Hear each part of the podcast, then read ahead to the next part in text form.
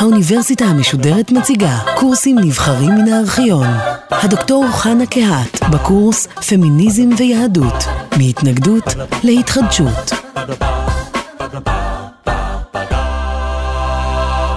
חכמים מספרים לנו על ניסיון קדום של האישה הראשונה בהיסטוריה להילחם על שוויונה, ניסיון שלא צלח. מספרים לנו על לילית. כשאלוהים ראה שלא טוב להיות לאדם לבדו, ורצה לעשות לו עזר כנגדו, מספרים לנו שהוא ברא לו אישה מן האדמה כמוהו, והוא קרא לה לילית. מיד התחילו מתגרים זה בזה. היא אמרה, איני למטה, והוא אמר, איני למטה, שאת ראויה להיות למטה, ואני ראוי להיות למעלה. והיא אמרה לו, שנינו שווים לפי ששנינו נבראנו מהאדמה.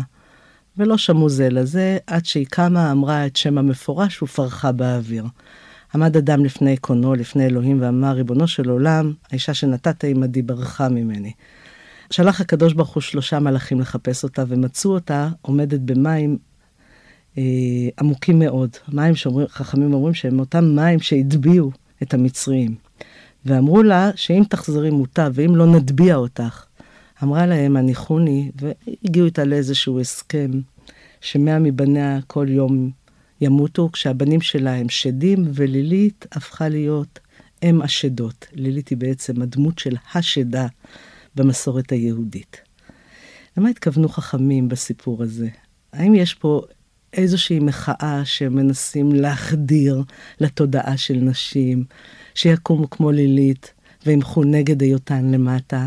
האם יש פה אזהרה לנשים שלא יישאפו לשוויון, כי אז יקרה להם מה שקרה ללילית, וייענשו כמו לילית? אולי יש פה הכפשה להגיד שכל אישה ששואפת לשוויון היא שדה, או בווריאציה המאוחרת יותר מכשפה. בכל אופן, מעמד האישה, כמו מעמד של כל אדם, נמדד בערכים שסטטוס חברתי נמדד. בהתייחסות אליה כאדם, ובמשאבים שבידיה, יוקרה, כספים, הון, כבוד, שלטון, פוליטיקה. למעמד האישה ביהדות יצא שם רע, אולי אפילו שם רע מאוד. והשם הזה והסטיגמה הזאת יוצרת uh, תופעה, שני אפקטים הפוכים, שהם שני צדדים של אותה מטבע. מצד אחד, נשים פמיניסטיות דוחות את הדת לחלוטין, מצד שני, הדתיים וגם נשים דתיות רואות בפמיניזם כמעט הייתי אומרת טומאה, מילה פסולה ואסורה. מתייחסים על זה כאל טאבו, שאסור לדבר עליו. אה, רואים בזה תיבת פנדורה. אה, כמו שקייט מילט, פמיניסטית, כותבת בספר של התיאוריה של פוליטיקה מינית. חברות פרימיטיביות מגשימות את שנאת הנשים במונחים של טאבו ומאנה, מאנה זה כוח מגי, שהתפתחו והיו למיתוס מנמק. כיוון שאנחנו לא רוצים לשקוע במיתוס, במאגיה ובנמק שיכול לפשוט בגלל ההזנחה, אולי כדאי לפתוח את אותה תיבת פנדורה. יכול להיות שיצאו ממנה הרבה שדים, אבל יכול להיות שמסתתרים בה גם פיות טובות, כמו אותו פסוק שראינו בהרצאה הקודמת, שאלוהים יצר את האדם, זכר ונקבה בצלם אלוהים, ויקרא את שמם אדם. שהבריאה הראשונית היא בריאה שוויונית, וזאת אמירה חשובה מאוד. בכל אופן, זה די ברור שמבחינת ההיסטוריה היהודית, השלטון הגברי היה מובהק. השאלה שאנחנו נרצה לשאול בהרצאה הזאת, איך מתייחסים לכך. כבר בפרק ב' בבראשית, לעומת פרק א', אנחנו רואים הטיה מגדרית, גם בבריאת האישה, כעזר כנגדו, שיש רבים מהפרשנים שרואים את זה כמשני, כבריאה משנית, משמשת, משרתת, וגם אחר כך בקללה, והוא ימשול בך. השאלה אם זאת קללה שצריך להשתחרר ממנה, או ייעוד, וזהו, זאת קללה מטאפיזית שרודפת אותנו לנצח. כדאי לבחון את זה, כדאי קודם לבדוק באמת את מעמדה של האישה במסורת היהודית, וכמו במרבית התרבויות האנושיות, אה, המעמד היה רע, ואולי אפילו ניתן לומר שהייתה חסרת מעמד. הייתה חסרת מעמד משפטי, נרכשת ונמכרת, לא יורשת, חסרת רכוש משלה, היא לא יכולה להעיד במשפט, לא יכולה לנדור נדרים משלה, אסור לשמוע את קולה בשירה, היא מודרת מהציבוריות, היא לא לוקחת כל חלק בלימוד התורה, שזאת המשימה הלאומית החשובה ביותר במסורת היהודית. אסור לה להנהיג, יש המון סטיגמות שליליות עליה, ואפילו בדיני הצלת חיים, האיש קודם לאישה להחיות. חלק גדול מן הסוגיות הללו יעסיקו אותנו בהרצאות הבאות. אה, אם נפרט את הממדים של הנחיתות של האישה במסורת, אנחנו נראה שזה מתבטא בארבעה ממדים. בשעבוד, בתלות, בשוליות ובאחרות. בשעבוד, אנחנו ראינו את זה כבר, שנאמר והוא ימשול בך, ואת תהיי עזר כנגדו, עד כדי כך שחכמים בתוספתא במסכת קידושין אומרים שחלק גדול מן הפטור שאישה מקבלת ממצוות עשה, שזלן, גרמה, אפילו ממצוות כיבוד הורים, זה בגלל שאין ספק בידה לעשות, כי רשות אחרים עליה, היא לא ברשות עצמה. זאת אומרת שחכמים נוכחו לדעת שאישה אינה חופשייה לעצמה והיא משועבדת. אפשר לשמוע כאן, אם מאזינים טוב, לקול השני שאומר שאלמלא כך, ואולי חכמים התכוונו שזאת מציאות חברתית שלא ניתן לשנות אותה, אבל אלמלא כך היא הייתה חייבת בכל המצוות כמו הגבר. אבל מה נעשה? כיוון שהיא משועבדת, אנחנו חייבים לשחרר אותה גם ממצוות שונות, גם מהתפילה בציבור, גם מכיבוד הורים ומעוד דברים כהנה וכהנה, למשל גם מלימוד התורה, שדורש הרבה אנרגיה והרבה זמן. תלות. אישה שהייתה חסרת מעמד הייתה תלויה לחלוטין בגבר. היא הייתה שייכת או לאביה או לבעלה. הם מפירים את נדריה. אה, בישעיהו, בפרק ה', כשהוא רוצה לבשר על המצב הרע שיתקרה בעם ישראל בעקבות המלחמות ובעקבות השכול, הוא מתאר את המעמד ששבע נשים יחזיקו בשמלה של גבר אחד, של איש אחד, ויגידו לו, לחמנו נאכל, שמלתנו נלבש, לא ניקח ממך כלום, רק יקרא שמך אלינו, אנא אסוף חרפתנו. זאת הייתה חרפה מאוד גדולה להיות חסרת בעל. שבע נשים מוכנות להסתפח לבעל אחד, העיקר שיהיה להם מקום, בית, נחלה. כי אישה לא יורשת ואין לה נחלה. עד כדי כך שחכמים קבעו כלל, תו למיטב דו מלמיטב ארמילה. בעברית זה אומר טוב לשבת בשניים, טוב לאישה לשבת נשואה עם בן זוג, מלמיטב, ארמילה מלשבת כאלמנה, לשבת כאלמנה, גרושה, לבד, רווקה.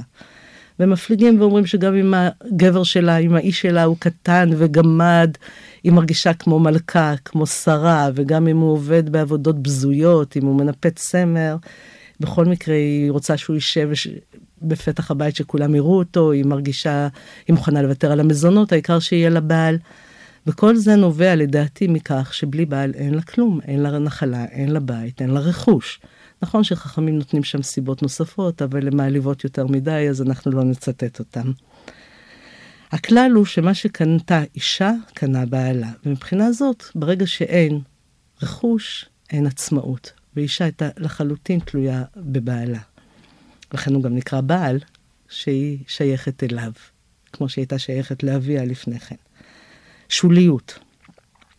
השוליות נקבעת מכך שאישה היא בעצם מודרת מהמרכז הדתי היהודי, שזה בית המדרש ובית הכנסת. אישה לא לקחה חלק בלימוד התורה, היא לא חלק מהשיח. היא נמצאת בבית, היא לא חלק מהמדברים, לא מדברים איתה, בדרך כלל מדברים עליה. אנחנו מוצאים שחכמים ריחמו עליה בגלל זה, ושואלים, אז מה יהיה, מה יהיה איתה? מה יהיה השכר שלה לעולם הבא? ומנסים להגיד שאולי בזכות זה שהיא שולחת את בעלה, מחכה לו בבית, שולחת את בניה, יהיה לה שכר. יותר מזה, חכמים מנו את השוליות שלה כאחד מתשע הקללות שלה, שהתקללה בהם בחטא הדם הראשון. אחת מהקללות היא שהיא משרתת את בעלה כשפחה, יושבת בביתה כאבלה, מכסה את ראשה כאבלה, ועוד כהנה וכהנה קללות. הם הבחינו בשוליות ובמסכנות ובעליבות של הסיטואציה של נשים שלא יוצאות מביתן. המימד של האחרות הוא מימד שאנחנו היום יותר מכירים אותו ויותר מדברים עליו. האחרות מבטאת את המצב של הזרות. כיום רווח השיח על האחר. יש את הדוברים ויש את על מי שמדברים עליו. בדרך כלל על מי שמדברים זה אותו זר, מנוכר, שהוא לא מוכר, הוא לא משלנו, הוא לא בחבורה. בדרך כלל החירות מזוהה עם ניכור, עם זרות, עם יחס נלעג, סטיגמות, סטריאוטיפים, חשדנות, לפעמים יש גם עוינות. במקרים רבים החירות uh, כרוכה בהאשמה, מאשימים את האחר בכל הצרות שקורים לנו. באפליה, אפליה לרעה. Uh, לפעמים זאת גם אידיאליזציה מוגזמת, כיוון שלא מכירים את האחר, מנוכרים אליו, מייחסים אליו כוחות לא אנושיים.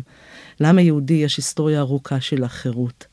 השנאה ליהודים, האנטישמיות. היהודי היה האחר האולטימטיבי והתייחסו אליו בהתאם, האשימו אותו בכל הצרות שקורים.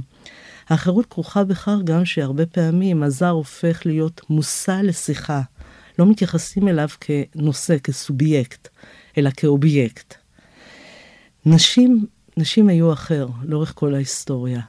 ומה שעצוב בסיפור הזה, זה מה סימון דה בבואר אומרת, כשהיא מדברת על כך שנשים שימשו כאחר בכל התרבויות, שבניגוד לאחרים האחרים, נשים לא הצליחו להשתחרר מהדימוי הזה. היא מתארת למשל את הכפרים השונים. בכל כפר יש את הכפר האחר, השונה, עליו מדברים, נגדו נלחמים. כל מדינה יש לה את האויב, את האחר, את הזר. היהודים שמסומנים כאחרים. וסימון דה בבואר טוענת שכל כפר אחר בעצם היה לו את האנחנו שלו, והכפר השני היה האחר שלו. העמים השונים מפתחים שיח, כל אחד, של אנחנו, רואים את עצמם כסובייקט. היהודים ידעו יפה מאוד להתייחס אל הגויים כאחר. דיברו על הגויים, ועל אנחנו היהודים, עם סגולה, עם נבחר. בניגוד לכך, נשים אף פעם לא פיתחו את אותו, אותו שיח של אנחנו. נשים הפנימו את האחרות שלהן, וגם הן דיברו על עצמן כנשים. גם הן דיברו על עצמן כאחר. הן לא הצליחו להתרומם עד להתפתחות התנועה הפמיניסטית ולדבר בקול נשי, ולהגיד אנחנו. אנחנו לא מוצאים בתרבות את אותם אלפי פתגמים שנאמרו על האישה. מוצאנית האישה מר, מר ממוות, כל הנשים כשפניות, האישה, האישה. אנחנו לא מוצאים דיבור דומה של נשים על גברים. אנחנו בוודאי לא מוצאים את זה מודפס, אנחנו לא מוצאים את זה אה, בקנון. לעומת זאת, יש לנו אמירות רבות מאוד סטיגמטיות וסטריאוטיפיות על נשים. אה, דוגמה אחת רק, למשל, ארבע מידות בנשים, אבל לא באנשים. אנשים גרגרניות, קנאיות, עצלניות וצוותניות. צוותניות מלשון מצוטטות לשיחות אחרים. המדרש שמביא את זה מביא פסוק כדי להוכיח כל תכונה ותכונה. מה שיפה במדרש הזה, שיש לנו מקום אחד, וריאציה אחת של המדרש, שרבי יוסי קם ואומר, כשם שנתנו ארבע מידות בנשים, כך נתנו באנשים. אנשים גרגרניים, קנאים, צייתניים ומקנאים ועצלניים וכולי. רבי יוסי לא קיבל את הסטיגמציה הזאת, וכשחכמים אמרו שנשים קנאיות, עובדה שהנה רחל קנאה באחותה, אז הוא אומר, אחי יוסף קינאו ביוסף. זה עוד לא אומר כלום. על כלל הנשים, אפשר למצוא את אותן תכונות אנושיות גם בקרב הגברים. וזאת אמירה נדירה, אבל גם היא קיימת במקורות, שמנסה לנטרל את אותו שיח סטיגמטי כלפי אנשים שמהוות כאן את האחר. איך מתמודדים עם מסורת כזאת? מסורת מיזוגנית שיש בה שנאת נשים, יש בה הדרה של נשים.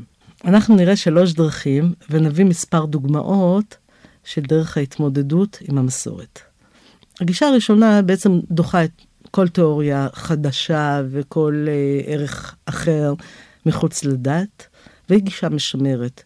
היא גישה שהיא מקבלת את כל הדברים שנאמרים, הן במקרא והן בחז"ל, כאמירות מטאפיזיות, מהותניות, ואומרת, כן, הקללה היא מהותה של האישה, אה, הוא ימשול בך, זה ייעוד, והדברים לא אמורים להשתנות. ויש לנו אמירות קשות מאוד, גם אצל חכמים בתקופת חז"ל וגם חכמים בני ימינו, שדוגלים באמירה כזאת ובקיבעון של המצב הזה, של ההיררכיה והפטריארכיה. אה, לעומת זאת, אנחנו נראה גישה אפולוגטית, שהיא גישה שמנסה איכשהו לעשות איזושהי אה, סינתזה, איזושהי אפשרות לחיות יחד את שני העולמות האלה, ומנסה להצדיק בכל מקום ומקום שנשמעות דעות או אמירות שנחשבות כמיזוגניות או פטריארכליות, מנסה להצדיק אותם ולהסביר אותם ולרכך אותם. הגישה השלישית, שהיא הגישה המקובלת יותר בקרב פמיניסטיות דתיות, היא הגישה ההיסטוריוסופית. ניקח כמה דוגמאות.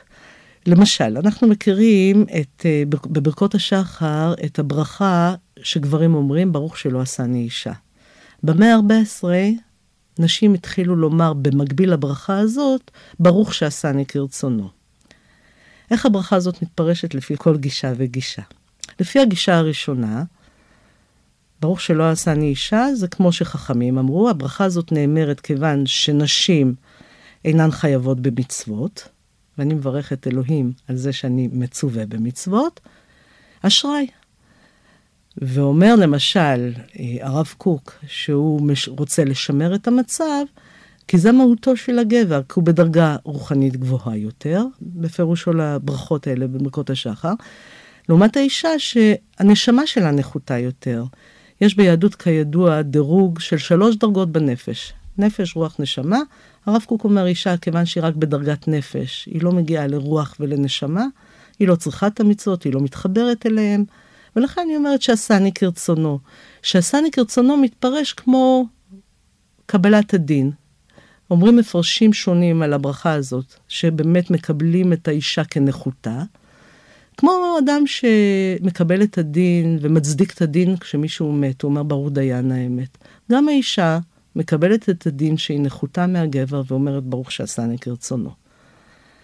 בגישה הזאת, דרך אגב, יש אמירות מאוד קשות שהן מהותניות, כן? רוצה אישה בקו ותפלות, מתישה קבין ופרישות. תפלות זה זנות. אישה, אמירה סטיגמטית שאומרת שאישה היא זנותית, ולכן כל המלמד ביתו תורה כאילו לימדה תפלות, ישרפו דברי תורה ואל ימסרו לנשים, דברים מאוד מאוד קשים. לעומת הגישה הזאת, ישנה את הגישה ההיפולוגטית. מי שמייצג אותה בדורות האחרונים זה הרב שמשון רפאל הירש. כשהוא לוקח למשל את הברכה שעשני כרצונו, ונותן לה פירוש נפלא. הוא אומר, אישה לא חייבת בכל המצוות. נכון, גבר מברך על המצוות הללו, ולכן אומר שלא עשה אני אישה. אבל אישה היא יותר רוחנית, היא עשויה לפי רצונו של האל מלכתחילה, לכן היא לא צריכה את המצוות הללו. ולכן היא מברכת את האל על כך שהיא כל כך רוחנית יותר, עדינה יותר, שהיא לא צריכה את כל הכבלים ואת כל המעשים כדי לרומם אותה מהגשמיות. היא מלכתחילה יותר רוחנית. בגישה ההיסטוריוסופית, אנחנו מוצאים ניסיון לבקש שינוי של הברכה. ניסיון למצוא ברכה מקבילה, למשל ברוך שעשני ישראלית, ברכה שהייתה מקובלת בדורות מסוימים, או ברוך שעשני אישה. ישנן עוד דוגמאות שאפשר להראות, למשל, על כל פסוק אה, מיזוגני, מוצא אני את האישה מר ממוות, בגישה האפולוגטית יגידו לנו, אוקיי, אבל יש גם דעות אחרות. כן, מצא אישה מצא טוב. או למשל אמירה של חכמים שאישה, שאלוהים ברא את האישה, אחד אומר פרצוף, אחד אומר זנב. זנב זה מאוד משפיל, זה אומר שהאישה נבראה מעצם הזנב, אולי מהזנב, שזה חלק לחלוטין מיותר ושולי. לעומת זאת פרצוף זאת אמירה שבעצם האיש נברא ראשון זכר ונקבה, בשני פרצופים ואלוהים פיצל אותו לזכר ונקבה, זו תפיסה שוויונית. הגישה המשמרת, הגישה המהותנית, הגישה הפטריארכלית אומרת, זנב זו האמת, והיא דוחה את הגישה של הפרצוף. לעומת זאת, הגישה האפולוגטית תגיד, יש דעה כזאת ויש דעה כזאת. בגישה ההיסטוריוסופית ננסה להתעסק ולחקור את ההבניה החברתית שעומדת מאחורי האמירה הזאת. למה אמרו את זה? מה עמד מאחורי זה? מה, מה ההבניה החברתית, ואולי כאן המקום להסביר את המושג הזה, שנשים פמיניסטיות מנסות היום לחשוף בתוך השיח הפטריארכלי הזה. הבניה חברתית מתייחסת לחברה, רואה בחברה את המרכז ואת השוליים. בכל חברה יש את החלק השולט, את תרבות הרוב, ואת השוליים שהם לא זוכים לאותו מעמד, לאותו יחס. לפעמים זה, השוליים האלה נשלטו. ברגר, הסוציולוג ברגר, שטבע את המונח הבניה חברתית, טען שלא צריך תמיד כוח פוליטי, כוח צבאי כדי לשלוט באחר, בשוליים. לפעמים התרבות עושה את זה, ובמיוחד הדת עושה את זה, כי היא באה בשם המטאפיזיות ובשם האל. כשאנחנו מוצאים אמירות מאוד קשות נגד נשים, כמו נבראת מהזנב, כמו אה, מוצא אני את האישה מר ממוות, הרי יש בהם מסר שהוא לא רק משקף מציאות. הטענה שהוא גם מבנה מציאות. וזו אחת מהדרכים שנשים שבאות בגישה ההיסטוריוסופית מנסות להתמודד עם הטקסטים האלה. אה, דוגמה נוספת שאני רוצה להביא, למשל, אמרה שהיא מוכיחה מאוד חזק את הטענה שישנה הבניה חברתית בתרבות היהודית, היא אמירה שמאשימה את הנשים בעצם במותו של אדם הראשון. המדרש אומר כך, שעל שלוש עבירות נשים מתות בשעת לידתן, על שאינן זהירות בנידה, שזו מצווה שקשורה למחזור החודשי של אישה, בהפרשת חלה כשהיא עופה לחם ובהדלקת הנר. למה היא צופתה בשלושתן? אומר המדרש, היא כיפתה נרו של עולם, דכתיב נר אדוני נשמת אדם. לפיכך תשמור מצוות נר. היא טימאה חלתו של עולם. היא שפכה דמו של אדם הראשון. המשפטים האלה הם קשים כי יש בהם הבניה חברתית כפולה. לא רק שיש אדם ואישה, אדם שאין לו אישה, אישה היא לא אדם, אלא יש בו הבניה של רגש של אשמה. ואישה שגודלת בתוך תרבות כזאת, על בסיס אמירות כאלה, מפנימה את רגש האשמה. נשים שלומדות היום חושפות שיש מדרשים שבכלל לא אומרים את זה. אותם מדרשים על אותן מצוות שנשים מתעסקות, שלא מביאים את האשמה ולא מביאים את ההבחנה הזאת בין אדם לאישה. למשל, מול המדרש הזה שהבאתי אותו ממדרש תנחומה, בבבלי, כשמביאים את חובת הנשים, לא מזכירים כלל וכלל את הדברים האלה. ואנשים אומרות, בואו נבחר את הטקסטים שמבנים העצמה, ולא מדכאים, ולא משדרים לאישה, את אשמה תמיד בחטא הקדמון, שזאת אמירה קשה. כי ההבניה החברתית טוענת שאישה לא נולדת אישה, כמו שסימון דה בבואר טענה. אישה נעשית אישה, ואז היא מפנימה את כל הסטריאוטיפים ואת כל הדימויים, וממשיכה ומנציחה את הנחיתות שלה. לאמיתו של דבר, לאורך ההיסטוריה, חכמים, לאורך כל הדורות, אנחנו מגלים בדבריהם גם את היחס הזה, גם את הביקורת הסמויה על ההבניה הזאת. אני רוצה לסיים ולומר שאנחנו מוצאים את הביקורת על אותה הבניה חברתית ועל אותה תרבות מיזוגנית, גם בקרב חכמים. בפרשנות על סיפור בנות צלופחד, יש מימרה של חכמים שאומרת כך, כי לא כרחמי בשר ודם רחמיו של הקדוש ברוך הוא, שרחמי בשר ודם מרחם על הזכרים יותר מהנקבות. והקדוש ברוך הוא אינו כך, כי רחמיו על כל מעשיו, על זכרים ועל נקבות. זכרים ועל נקבות. זכרים ועל...